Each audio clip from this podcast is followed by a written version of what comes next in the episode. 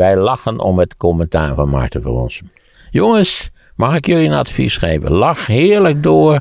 Hè? Nog een paar van die partijtjes. En het is al gek dat jullie gesubsidieerd worden. Dat is volkomen achterlijk. Hè, wat mij betreft betalen jullie alle subsidies van de afgelopen tien jaar terug. Het Rossum, kunt u mij horen? Ook al een podcast. Ja. Ja, je weet dat je, je telt pas mee tegenwoordig als je een podcast hebt, hè? Is dat zo? Ja, iedereen, iedereen heeft een... Maar jij maakt dus meerdere podcasts eigenlijk. Ja, nee, maar hier zat ik zelf niet in. Dit was zeg maar het maken van de podcast, dus het eh, begeleiden. En hij deed de interviews. Het was toevallig bij Lightyear. Oh, dat is bij die auto's. Ja, het was wel grappig, want die communicatiemeneer die was er ook bij. En eh, ja, die had het alleen maar de hele tijd, die clubbing die zat. Maar die zei de hele tijd, maar ja, wanneer komt eh, Van Rossum nou? Ik zeg, ja, jullie moeten datums doorsturen waarop jullie kunnen, want anders schiet het niet op. Nee, ja, dat lijkt me een goed idee. Ja. En je zag die clubbing zo kijken, ja, maar hallo, ik ben toch de ster? Ja, nou, daar heeft hij wel gelijk in natuurlijk. Hij heeft een handig bedrijf is die begonnen. Wat uiteindelijk geloof ik niet geworden is wat hij er eigenlijk van verwacht had. Maar ik eh, zelf ben geabonneerd op Blendel. En ik moet zeggen, daar kijk ik eh, elke dag even naar wat er al zo bij staat. En ja, gedeeltelijk denk je dat is verder niet zo voor mij bestemd. Maar enkele maal staan er nuttige stukken bij. Zonder Ja. meer. Maar het is niet meer van hem nu, hè? Oh nee, heeft hij Hij het verkocht? Hij heeft het verkocht, ja. Aan wie in godsnaam? Volgens mij een Franse. Aan Fransen. Ja. Ach jee, nou ja. En wat doet hij nu? Hij heeft een sabbatical net achter de rug van twee maanden. En hij is zich nu aan het oriënteren op wat hij nu wil gaan doen. Aha, oké. Ja, dat is altijd lastig. Nou ja, in ieder geval hoop ik dat hij er een centje aan verdiend heeft. Want het was toch een nuttig initiatief. Ja, Dat uiteindelijk geloof ik zo'n hele krantengroep eruit gestapt is. Hè. Dat is eh NRC en, die, en al die lui die zijn eruit gestapt. Ja, dat is een beetje kinderachtig naar mijn idee. Maar hm. ook wel weer begrijpelijk natuurlijk. Ja. Kijk, het Blendel is in die zin een heel sympathiek eh, initiatief. Omdat het andere, anders natuurlijk dan Google eh, eh, betaalt het voor de, eh, voor de dingen die als het ware geleend worden. ja. Terwijl Google, dat is de grootste diefstalmachine ter wereld natuurlijk. Als je naar Google News kijkt, daar wordt geen cent voor betaald voor zover ik weet. Nee. Er zijn geloof ik wel landen waar ze gedwongen zijn om iets te betalen, als ik het wel heb. Maar ik weet niet precies hoe het in Nederland zit. Maar mag ik er nog eens op wijzen dat vrijwel het hele internet natuurlijk ge- georganiseerde diefstal is op mondiale schaal. Want alles wat je ooit geproduceerd hebt, wordt gestolen zonder vergoeding. Zeker in mijn geval. Je ziet dat een zekere bittere toon hier doorklinkt. Ja, het is overigens heel gek dat dat kan. En dat iedereen het ook de normaalste zaak van de wereld vindt dat intellectueel eigendom gewoon gejat wordt. En dat, dat dus alleen een aantal lui in Californië daar schatten met geld aan verdienen. Je begrijpt hoe ik mij vermaakt heb over het feit dat dat stomme eh, Facebook uit de lucht geknald is. Niet waar, door zijn eigen serverbewakers, als ik het allemaal goed begrepen heb. Ja. En, en hoezeer ik natuurlijk een enkele uren heb ge- geleefd in de, nou ja, toch een beetje, een beetje exal, geëxalteerde hoop dat dit klote bedrijf, dat dit definitief op de fles zou gaan. Hè, dat is een service dat de hele boel, dat overal de vlam in de pan geslagen zou zijn. En dat Facebook in één klap door suïcide, hè, door digitale suïcide om het leven zou zijn gekomen. Wat zou dat heerlijk zijn geweest. Wat een klote bedrijf is dat. Ik weet niet of je ook een beetje gevolgd hebt, die, hè, die klokkenluider, die aardige Ja. mevrouw voor het Amerikaanse congres. Die had wel echt een goed punt, vond ik. Ja, zeg dat wel. Punt. Dus kan je geen punt meer noemen. Dat is een soort van, van kunstmaan van enorme afmetingen, nietwaar? Die ingeslagen is op die geldzucht van die Zuckerberg. Ja, en wat ik, wat ik eh, sterk vond aan haar argumentatie, dat werd volgens mij ook overal getoond. Ze zegt de overheid heeft, ze noemde een heleboel punten waar de overheid in het Ja, verleden waar de overheid eh, optreedt met wet en regelgeving. Maar ja, onder de huidige omstandigheden zie ik dat in Amerika eerlijk gezegd niet zo gebeuren. En in Europa, want het eh, dat is natuurlijk zo dat... Europa heeft er veel meer aan gedaan dan de Verenigde Staten. Dat is een punt wat zeker is. Ze worden, die techreuzen worden ook vrij regelmatig beboet in Europa met grote bedragen. Maar daar zou natuurlijk veel harder moeten worden opgetreden naar de levensgevaarlijke asociale praktijken van deze, van deze bedrijven, in het bijzonder Facebook. Maar ik ben, zoals je weet, ook geen bewonderaar van Twitter. Wat vind je er gevaarlijk aan? Nou ja, wat die mevrouw zo helder heeft uitgelegd, nietwaar? Dat die algoritmes volledig zijn afgestemd op radicalisering. Ja, dat als je zo'n zo van, die, van die rommel aanklikt, of dat je, en je lid wordt van zo'n groepje, dat je dan steeds gevoed wordt met steeds radicalere en gekkere ideeën. in het bijzonder dat je je niet moet laten vaccineren, dat de hele wereld bestaat uit samenzweringen. Nou ja, al die dingen die in feite, naar mijn idee, hebben bijgedragen aan maatschappelijke verloedering in de afgelopen 15 jaar. Ja, ze zei ook, het kan een gevaar zijn voor onze democratie, hè? Het kan niet alleen een gevaar zijn voor onze democratie, het is een gevaar voor onze democratie. je kunt je zelfs afvragen of een verschijnsel als Trump überhaupt mogelijk zou zijn geweest zonder sociale media. Ja, ik denk het en als je je weer herinnert, wel een ongelofelijke abominabele kletskoek niet waar ons bereikt heeft toen deze zaken begonnen. Het was een wonder op aarde. Het zou de eindeloosste democratisering bevorderen. Eindelijk had iedereen een stem. Nou, daar hebben we van genoten. Wat is dat heerlijk uitgepakt in allerlei opzichten. Nee, de sociale media zijn een etterende zweer in elke samenleving. Dus ja, jammer genoeg hebben ze de boel weer op orde gekregen bij Facebook. En zullen ze er ongetwijfeld weer, want je weet elke keer hoeveel van die incidenten hebben we ondertussen gehad. Hoeveel artikelen hebben we gelezen over de gruwelijkheden die ze op Facebook voordoen en waar ze geen bal aan doen. En elke keer wordt die Zuckerberg, die wordt er ook bij geroepen. Hè? En dat, ja, nee, het gaat helemaal anders. We hebben nu, we hebben, het gaan het heel anders aanpakken. Geweldig, heel bijzonder. En je weet, er gebeurt geen kloot omdat die mevrouw ze helder uitlegt hoeveel geld ze verdienen aan de huidige strategie. Ja, rond de verkiezingen hadden ze dat algoritme wel wat afgezwakt hè, in Amerika.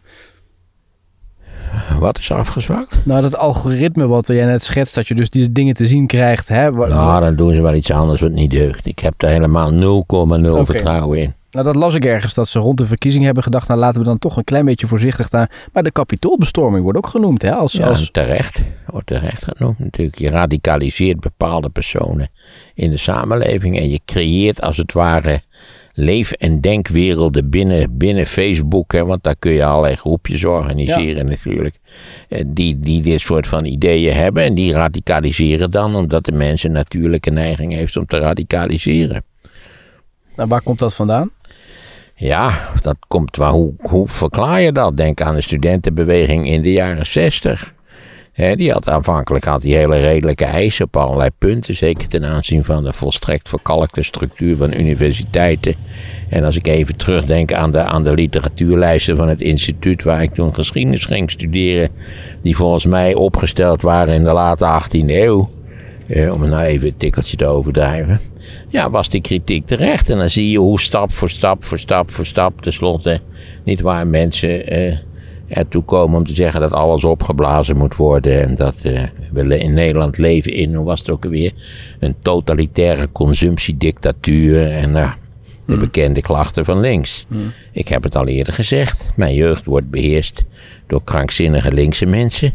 En mijn ouderdom wordt beheerst door krankzinnige rechtse mensen. Ja, dat is een hele sombere conclusie, maar zo is het.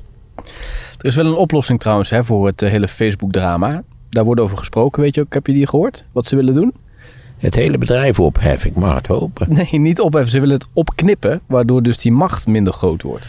Ja, ja. Daar geloof ik ook voor geen meter in. Denk aan de macht van AT&T.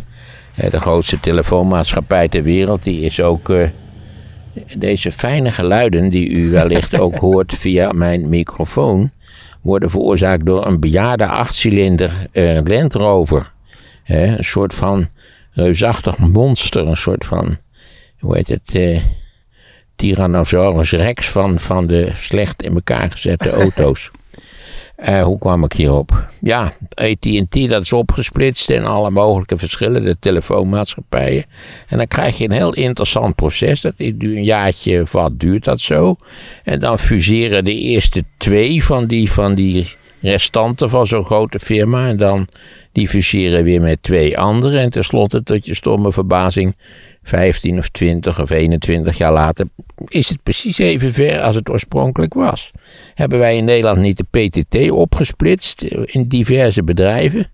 En je weet, die zijn onlangs zijn die weer gefuseerd tot één PTT.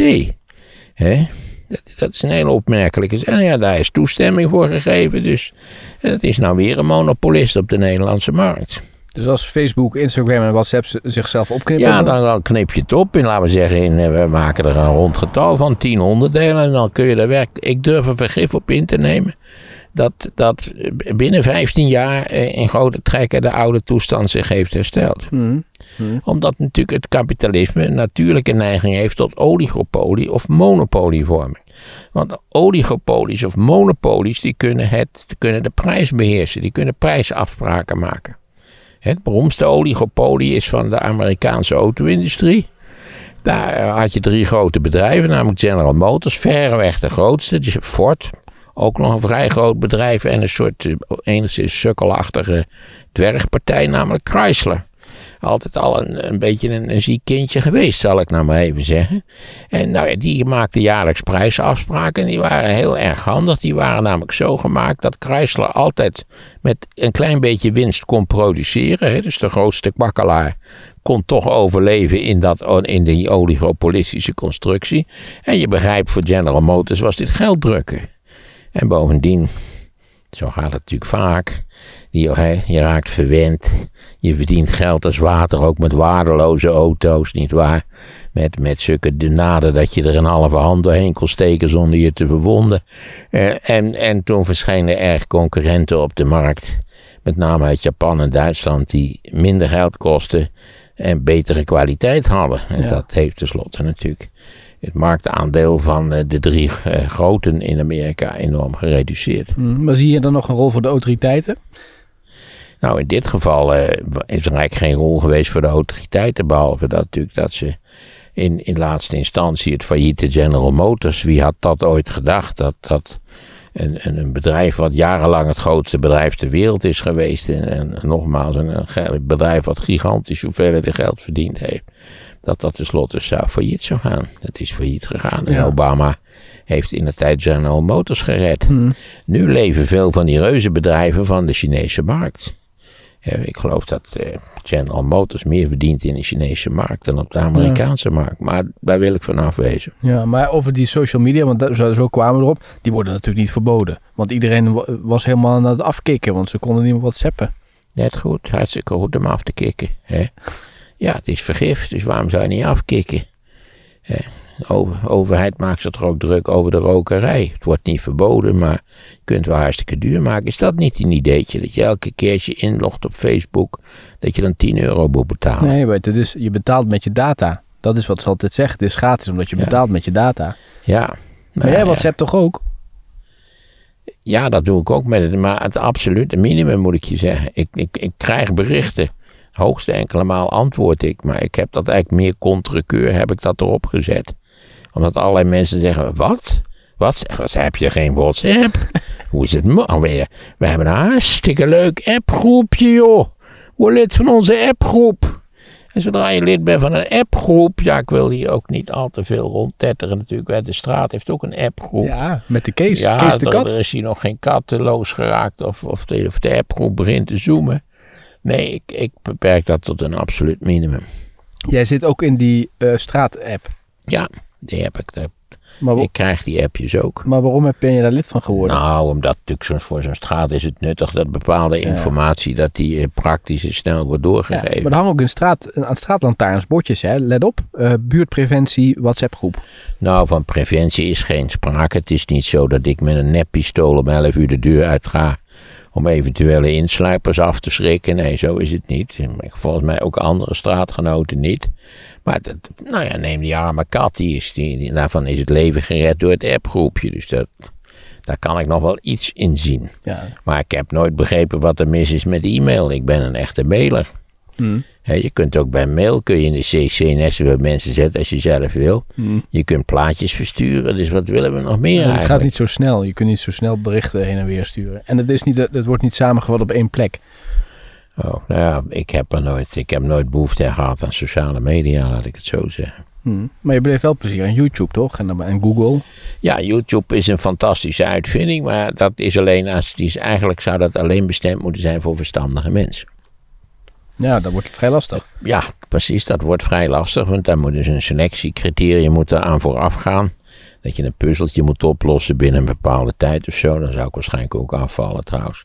Omdat natuurlijk YouTube bijzonder aardig is. Ik zal zo een voorbeeld geven van wat je daar kunt vinden. En dat dat heel lastig zou zijn om dat op een andere manier snel te vinden. Eh, daar zitten ook verschrikkelijke dingen op. want je weet dat ook YouTube zo'n algoritme heeft. Dat als jij een of andere kletsmajor met samenzweringstheorie, als je dat regelmatig aanklikt, dan hebben ze alle. Hè, daar rechts komt die hele rij in beeld van wat die, die, die laten we zeggen, per, per eh, associatie er iets mee te maken zou kunnen hebben. Nou ja, daar kun je dan je lol op. Mm. Maar ik geef toe, er zijn ook enorm leuke dingen die met YouTube mogelijk zijn. Ik lees bijvoorbeeld een boek op dit moment over Mussolini.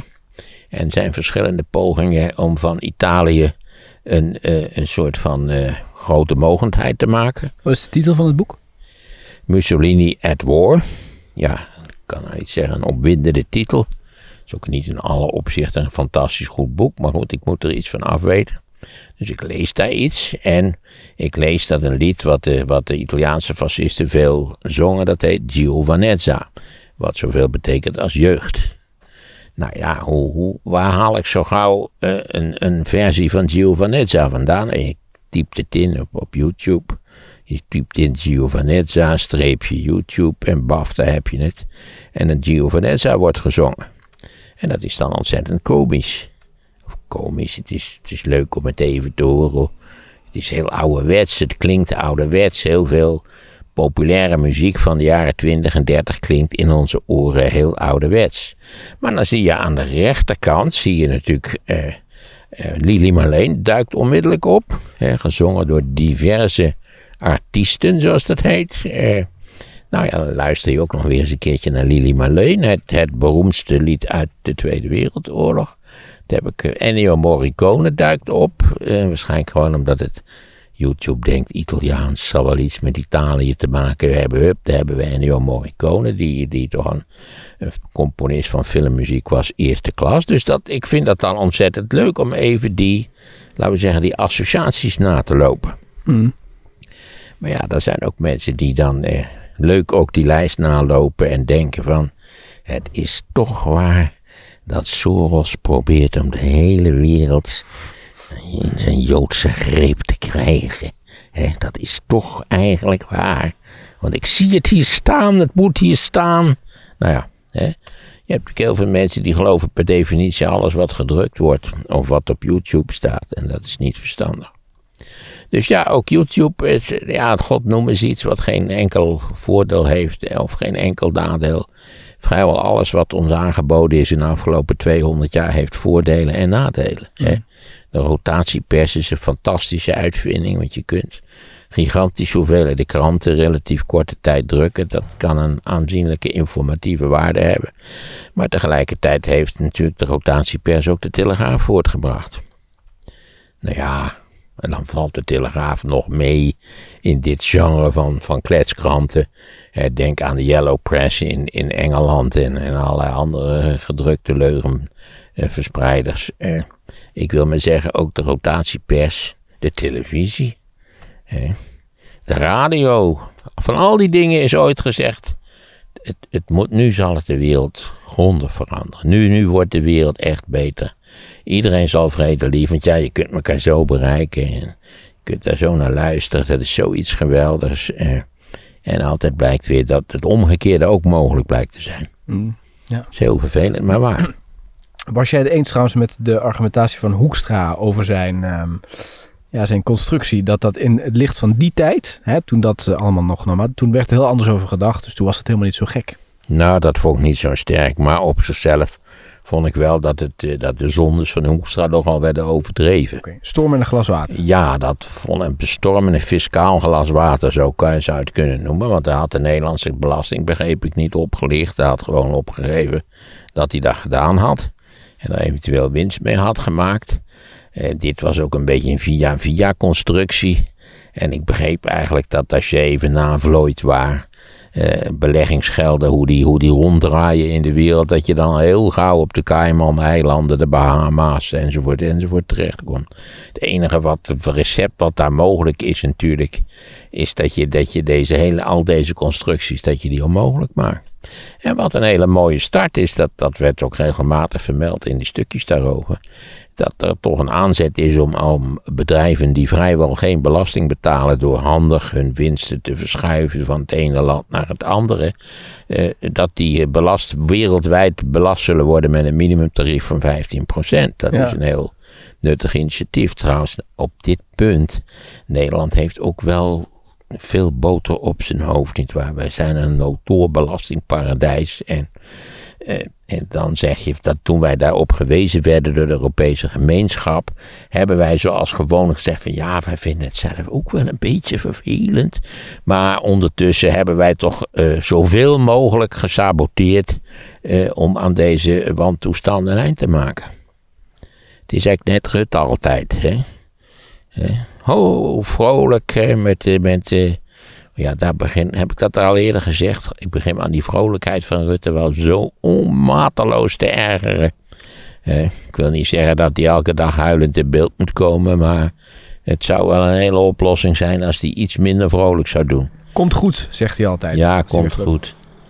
Ja, ook daar geldt uh, dat het de beroeidag volkomen fout gaat. Zelfs Rutte gaat dood. Maar hij is toch de winnaar van dit hele circus. Zonder meer. Maar wacht nou even. Dit, dit thema hebben we nu vaak genoeg uh, behandeld. Natuurlijk is hij de winnaar van het circus. Dat was hij al bij de verkiezingen. Toen is hij alleen is hij in zijn bovenbeen geschoten door, door Geert Wilders op die fameuze 1 april avond. En toen heeft hij zich een tijd koers moeten houden. Maar zolang uh, Wopke, die natuurlijk ook niks anders te bieden had dan Rutte vasthouden. Kijk, zij zijn ook vasthouders. Ja. Hè? Dat is het, hè. Kaag heeft geprobeerd om zich aan die twee linkse partijen vast te houden. Dat moest per definitie mislukken, omdat natuurlijk de vasthouders Wopke en Rutte veel grotere macht hebben binnen het parlementaire systeem. Maar wat stoort je aan Rutte dan? Wat mij aan Rutte stoort is van alles en nog wat, moet ik je zeggen. Nee, maar rond dat vrolijkheidsgedoe. Ja, ik vind dat er helemaal geen reden is voor Rutte om erg vrolijk te maar doen. Wat doet hij dan? Nou, of je nou wel, welke drama je ook aankaart van de afgelopen jaren, daar is hij de hoofdverantwoordelijke voor.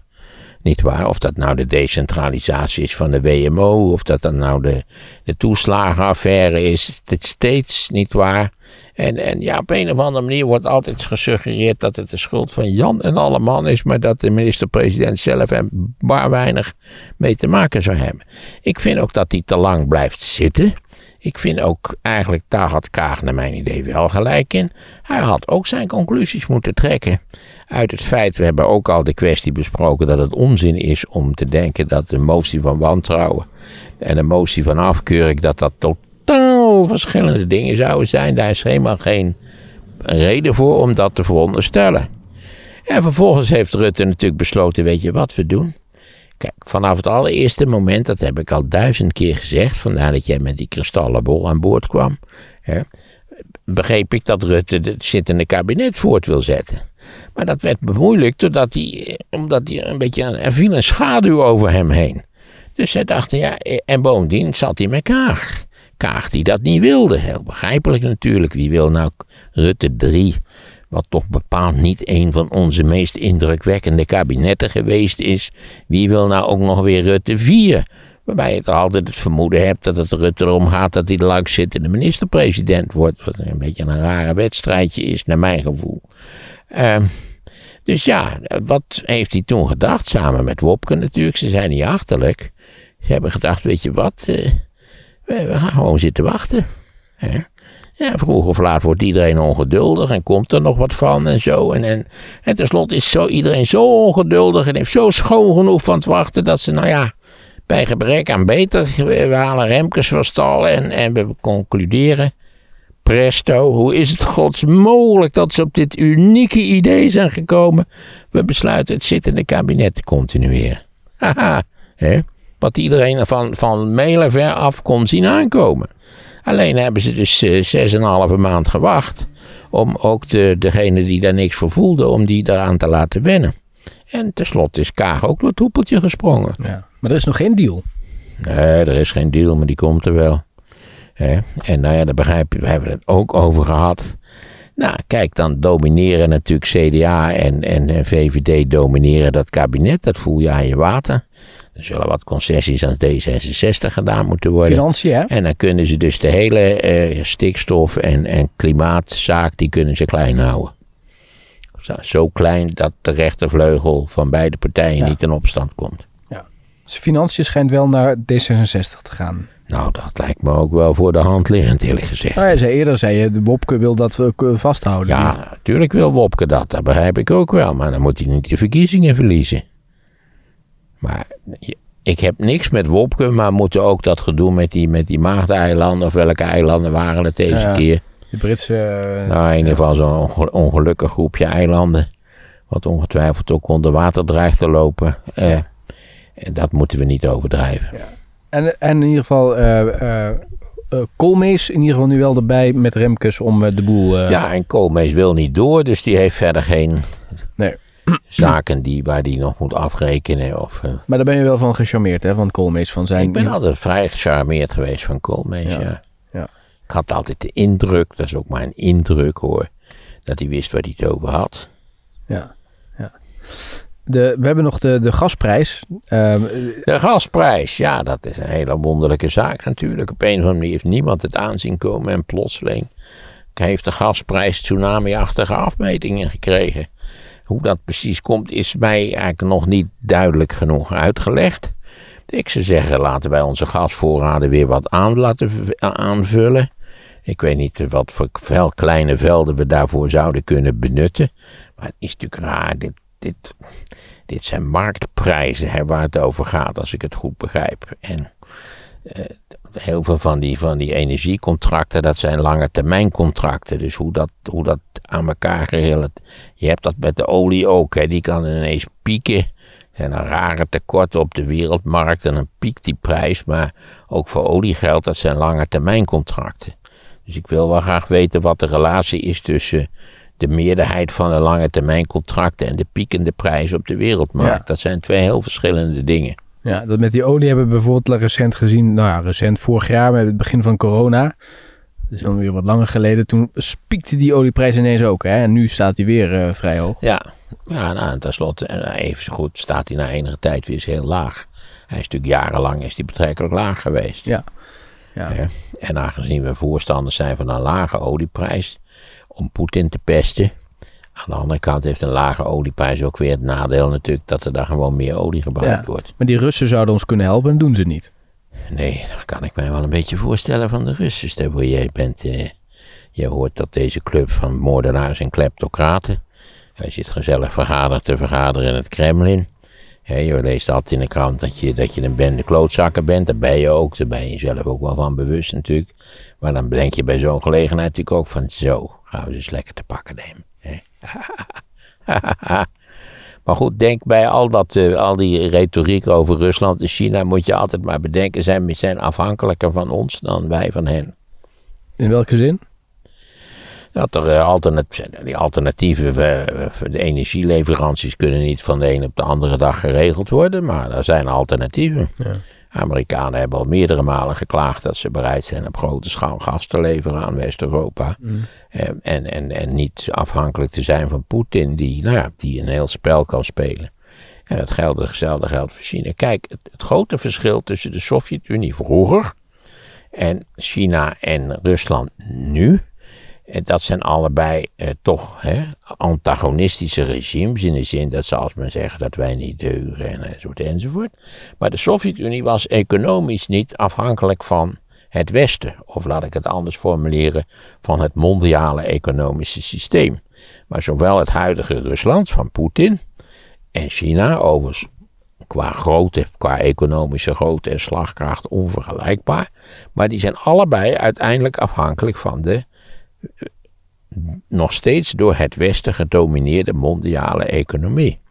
Eh, de, de drie grote spelers op het wereldtoneel, zegt de Europese Unie, de Verenigde Staten en China, die hebben samen ongeveer nog net niet de helft van de wereldeconomie. Dus de wereldeconomie is twee keer zo groot als de economieën van de drie grootste spelers samen.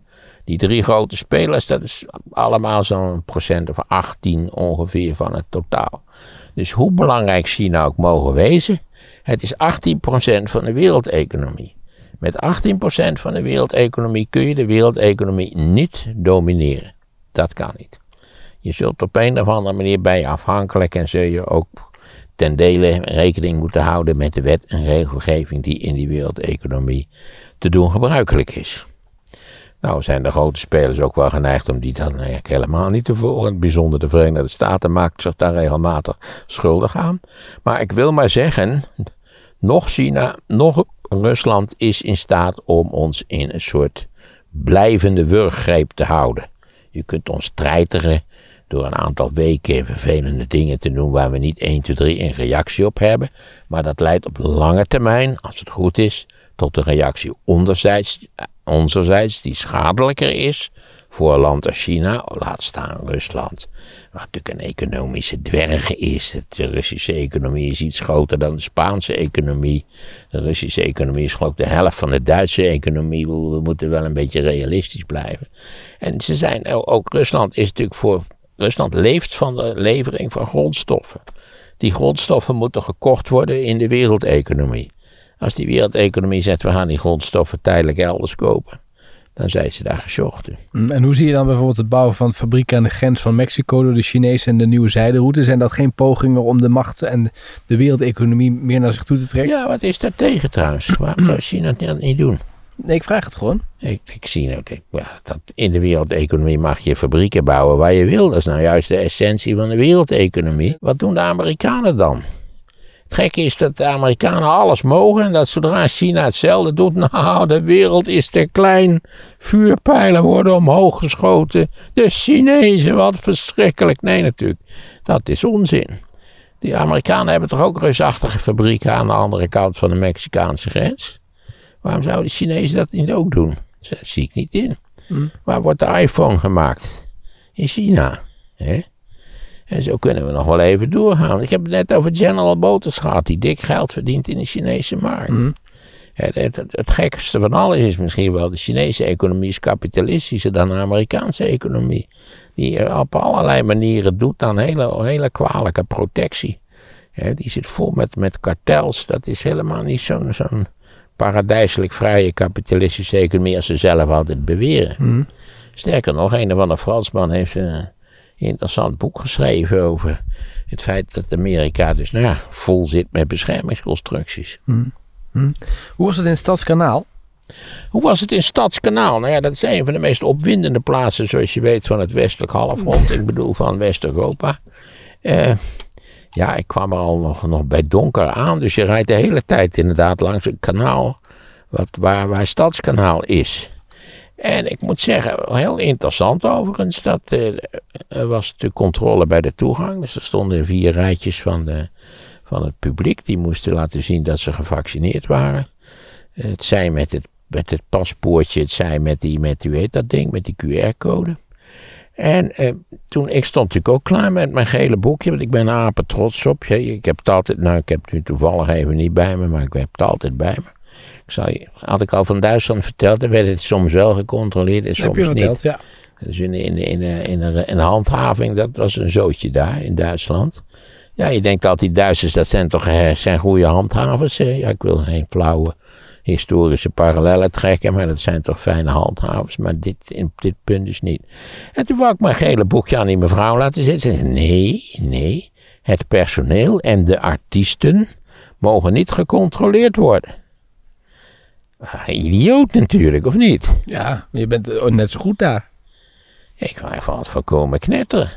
Stel voor dat ik een superspreader ben. Dat is niet erg waarschijnlijk gezien het feit dat ik dubbel gevaccineerd ben. Maar ze mocht niet eens vragen of ik, dat, of ik dat was. Een raar beleid is dat. Ja, dat is een voorkomen getikt beleid. Want dat schijnt ook voor ziekenhuizen te gelden. Dan mogen ze ook niet vragen of het, of het zorgpersoneel daadwerkelijk ja, gevaccineerd is. Dat hebben we het eerder over gehad met die wet. Heeft het met ja, dat is een hele rare wet. Ik zou zeggen, eh, daar moet die, ik zou daar maatregelen tegen nemen. Hmm. Ja, je begrijpt, ik ben een fervent voorstander van, uh, nou dat we zeggen, niet gedwongen vaccinatie. Ik ben de laatste om dat te, te, te bepleiten. Maar als je zegt, ik wil niet gevaccineerd worden omdat Omdat ik de integriteit van mijn lichaam. Hè, dat heeft namelijk maar één doel, namelijk dit. En al die andere inbreuken op de integriteit van het lichaam, die, daar hoor je nooit wat over. Hè. Ik geloof, was het, was het niet fokken en sukken van wel botox, maar geen vaccinatie. Hele geestige suggestie natuurlijk. Eh, nee, als je dat dus niet wil, prima. Dan moet je een hutje op de hei gaan wonen, maar dan moet je niet, niet, niet je bij de ingang van de disco melden van ik wil die gecontroleerd worden. Was het volle bak trouwens? Mocht, mocht 100% bezetting? Ja, er waren 400 man of zo. Dus oh, dat is veel. Was, het was heel behoorlijk. Ik was er heel tevreden en over. Zij waren er ook heel tevreden over. En mensen zaten weer stoel aan stoel? Ja, gewoon normaal. Leuk. Hoe was dat omweer? Want was het de eerste sinds lange tijd ja, weer? Ja, dat is de eerste sinds hele lange tijd. Ik geloof, ja, kan zijn dat ik tussendoor vorig jaar hebben, we zo'n zo'n window of opportunity gehad. Het kan zijn dat ik, maar dat ben ik dan vergeten, maar voor in mijn herinnering was Wiert op 13 maart of 12 maart of weet ik, 10 maart vorig jaar was de laatste die ik gedaan heb. En het was hartstikke leuk om het weer te doen natuurlijk. Ja, leuk. Mooi. En goed dat het weer kan. En uh, nou ja, tot nu toe gaat het ook goed met uh, de... Hè, het loopt een klein beetje op wel weer. Ja, ja kijk, 15% van de hoe was het ook weer? 80% in Nederland geloof ik is, is dubbel gevaccineerd. dat, mhm. dat, is uh, overigens nog niet zo hoog als in sommige Scandinavische landen. 83% heeft minimaal één prik gehad, maar dan resteert toch nog zo'n 15%. En daar lopen we weer tegen de fameuze 15% aan. Maar die kan, niet, die kan de boel niet verpesten voor de rest, toch? Nou, dat kan wel, want dat kan in die 15%. Kijk, op Urk, op Urk, zoals dat heet, is 23% gevaccineerd. Dus dat is 27 70% is niet gevaccineerd. Daar kan zich een heel onaangename uitbraak Ja, lokaal, maar niet meer voor het hele land. Nou, dat kan natuurlijk ook voor het land consequenties hebben. Urk is jammer genoeg niet volledig afgesneden van de rest van Nederland. Zelf zouden ze dat graag zien en ik zou het zo ook gaarne toewensen. Ik ben er ook voor om Urk opnieuw een eiland te maken. Dus een, een, een, gewoon een grote gracht eromheen, zodat het weer een eiland is. Dat lijkt me een uitstekend idee. Maar even afgezien daarvan, eh, ja, dat kan wel consequenties hebben voor de rest van de samenleving. Ik was ook, eh, je had die vorige week, was niet vorige week zondag, die grote demonstratie in Amsterdam tegen de coronamaatregelen. Ja, dus ze zeggen zelf altijd dat er dan honderdduizend mensen zijn, maar ik geloof dat het 15 of 25.000 waren in totaal ook al betrekkelijk veel. Dat je voor zo'n volkomen geschift standpunt ook nog bereid bent om naar Amsterdam te reizen. Om je daar te laten besmetten, besmetten op de Dam. Is zo vrij curieus. Maar ik werd getroffen. Een heel interessant theoretisch punt door een groot bord. Ik meen dat het rond werd gedragen door een bejaard echtpaar. En daar staat op: vrijheid die geconditioneerd is, is geen vrijheid. En dan denk je bij jezelf Waar, wanneer zijn deze mensen opgehouden met nadenken? Dat moet ergens zijn geweest in het laatste jaar van de kleuterschool, ongeveer. want drie, vierjarigen, zoals je weet, die denken, die denken dat alles kan. En dat als je enorm wil gaan schrijven, dan, dan moet je gaan schrijven. En ze zijn eigenlijk altijd vrij verontwaardigd als je zegt, zeg hou eens op met schrijven. Want dat vinden andere mensen niet zo fijn dat je hier gaat staan schrijven. En in zekere zin zou je kunnen zeggen, is de hele opvoeding van de mens niets anders dan dat je de mens leert dat zijn vrijheid geconditioneerd is. Ja, ja, als jij straks naar huis rijdt en je denkt, ik, dat gefrustreerde, frustrerende gelul van die verrossende kop mijn neus uit, weet je wat? Ik heb zin om gewoon eens een keer 200 te rijden. Niet dat dat kan geloof ik met deze auto, maar bij wijze van spreken. Of ik ga gewoon, ik ga gewoon links rijden naar huis. Ik ga even kijken hoe dat, wat, wat dat op gaat leveren. Daar heb ik gewoon zin in. Toevallig heb ik daar zin in om links te gaan rijden. En als ik een paar van die lullige studenten torpedeer, helemaal geen probleem. Hè, daar is niets aan. Dat, hè, zo.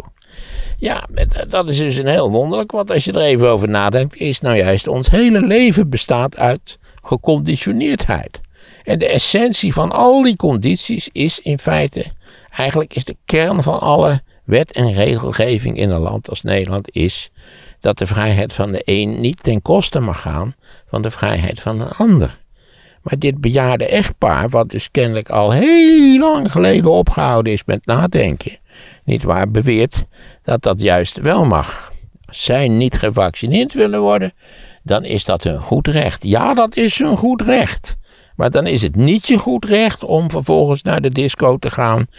Dit leek een echtpaar trouwens dat het een bezoek aan de, aan de, aan de disco zou waarschijnlijk een, een, duo suïcide hebben opgeleverd. Maar eh, ja, nee.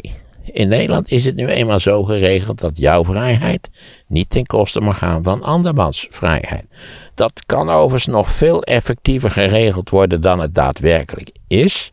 Maar in het geval van vaccinatie is het nogal een vrij voor de hand liggende redenering. Wat ik ook niet begrijp, is hoe komt het dat zoveel zangers en, en ander vaag volk zich niet wil laten vaccineren? Ik bedoel, is, is dat dezelfde reden dat ze ook altijd rare petjes op hebben en zo? Dat het, wat is er toch mis met die mensen die zingen? Is dat, is dat iets of die bekend zijn?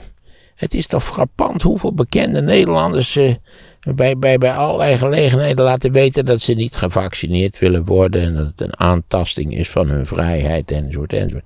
Onze vrijheid wordt permanent aangetast. Hè? Ja, stel voor dat ik zou zeggen, weet je wat we nou samen gaan doen? Ik heb schoon genoeg van dat alle gelul. We gaan toeteren. Jij gaat gewoon met je elleboog op de toeter hangen en dan gaan we eens kijken wat er gebeurt. Daar hebben we gewoon zin in. Dat is, dat is, en als dat niet mag, dan is dat gewoon vrijheidsbeperkend. Alles is vrijheidsbeperkend. Maar je ziet ook eigenlijk in de weekenden, zie je wat er gebeurt als je mensen te veel vrijheden geeft. Want ieder weekend is het wel bal ergens. Dan is er chaos. En... Ja, nou, ik wijs vooral op de chaos die uh, onze vrienden van het uh, Groningse studentenkoor weer veroorzaakt. ja, die waren ook weer in het ja. ja. Met de bussen. Ik, ik herinner mij nu toch van, wat was het ook alweer, dat de, de voorzitter van de Senaat van... Uh, de Prezes? Ja, de Prezes, die had gezet, wij lachen om het commentaar van Maarten van Rossum. Ja. Ik had gezet dat een criminele organisatie was, maar het uit de hand lopen van deze gezellige festiviteiten. Daar was toch wel een crimineel randje aan, zou ik zeggen. Vernieling, intimidatie, enzovoort, enzovoort. Ja, en het belangrijkste punt vergeet je nog, want ze waren bij een feestje en ze wilden met de bus terug naar het centrum. Dus ze hadden met hamertjes de, de, de ruiten kapot getikt. En ze hadden, denk jij, wie heeft dat nou bij zich? Stinkbommen bij zich. En die hebben ze in die bussen gegooid. Ja, ja eigenlijk, ja, ja. Nou ja, vindicat, hè. Ja, maar... wij, wij lachen om het commentaar van Maarten van Rossum. Jongens, mag ik jullie een advies geven? Lach heerlijk door. Nog een paar van die partijtjes. En het is al gek dat jullie gesubsidieerd worden. Dat is volkomen achterlijk. Wat mij betreft betalen jullie alle subsidies van de afgelopen tien jaar terug. Dat lijkt me een hele passende maatregel. Ze hebben nu alle festiviteiten afgeblazen. Maar goed, ik dacht bij mezelf, zie je wel. Ja. Ik, ik, je moet ook oppassen in mijn geval dat je zegt, ik heb altijd gelijk. Hè? Dat wil je eigenlijk wel zeggen.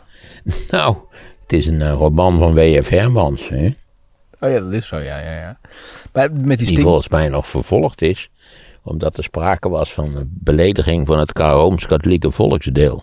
Als ik het me goed herinner. En waar had dat mee te maken dan? Ja, hij had het Rooms-Katholieke volksdeel beledigd in die roman. Oh, oh. Hij is vrijgesproken, als ik het me goed herinner. die zijn wel snel beledigd. Maar die stinkbommen vond ik opvallend. Maar wie heeft dat nou bij zich? Je hebt toch ook niet in je rugzak een stinkbom bij je? Je zou eens moeten weten wat ik in mijn rugzak heb. Ja.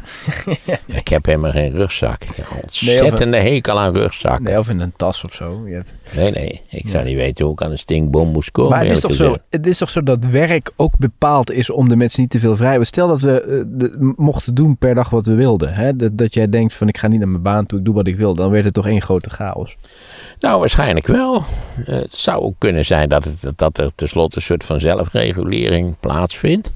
Er zijn wel, wel aantrekkelijke voorbeelden van, van, van overregulering van bijvoorbeeld het verkeer op bepaalde kruispunten. Dan zie je in de buurt een kruispunt, nou er stonden geloof ik wel zeven stoplichten en als het een beetje tegen zat, dan, dan, dan raakte je beklemd op het centrum van, van het plein. Waardoor je belaagd werd door alle andere auto's die, daar reden. Daar hebben ze alle stoplichten weggehaald. En gek genoeg functioneert het heel behoorlijk. Wat overigens geen pleidooi is om ook maar niet meer te vaccineren of iedereen toe te laten die. Nee. nee, het is bij dat vaccineren van belang. Dat is ook bij alle andere vaccinaties, of dat nu mazel is of de bof of nou ja, al die, al die kinderkwalen zal ik maar even zeggen. Dat, dat die vaccinatie gaat dik boven de 90% zit, want dan weet je dat er geen uitbarstingen kunnen volgen.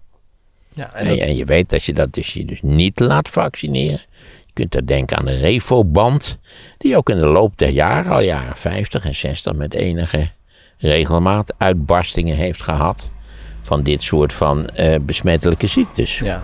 Nou is het wel zo dat een groot deel van de mensen toen ze hoorden van ja, we moeten zo'n QR-code laten zien, zijn ze alsnog gegaan. Dus die dachten, nou weet je Zeker, zeker. Ja, nee, de meerderheid van de Nederlanders is redelijk verstandig. Ja. Maar ja, we lopen toch weer tegen die 15% aan.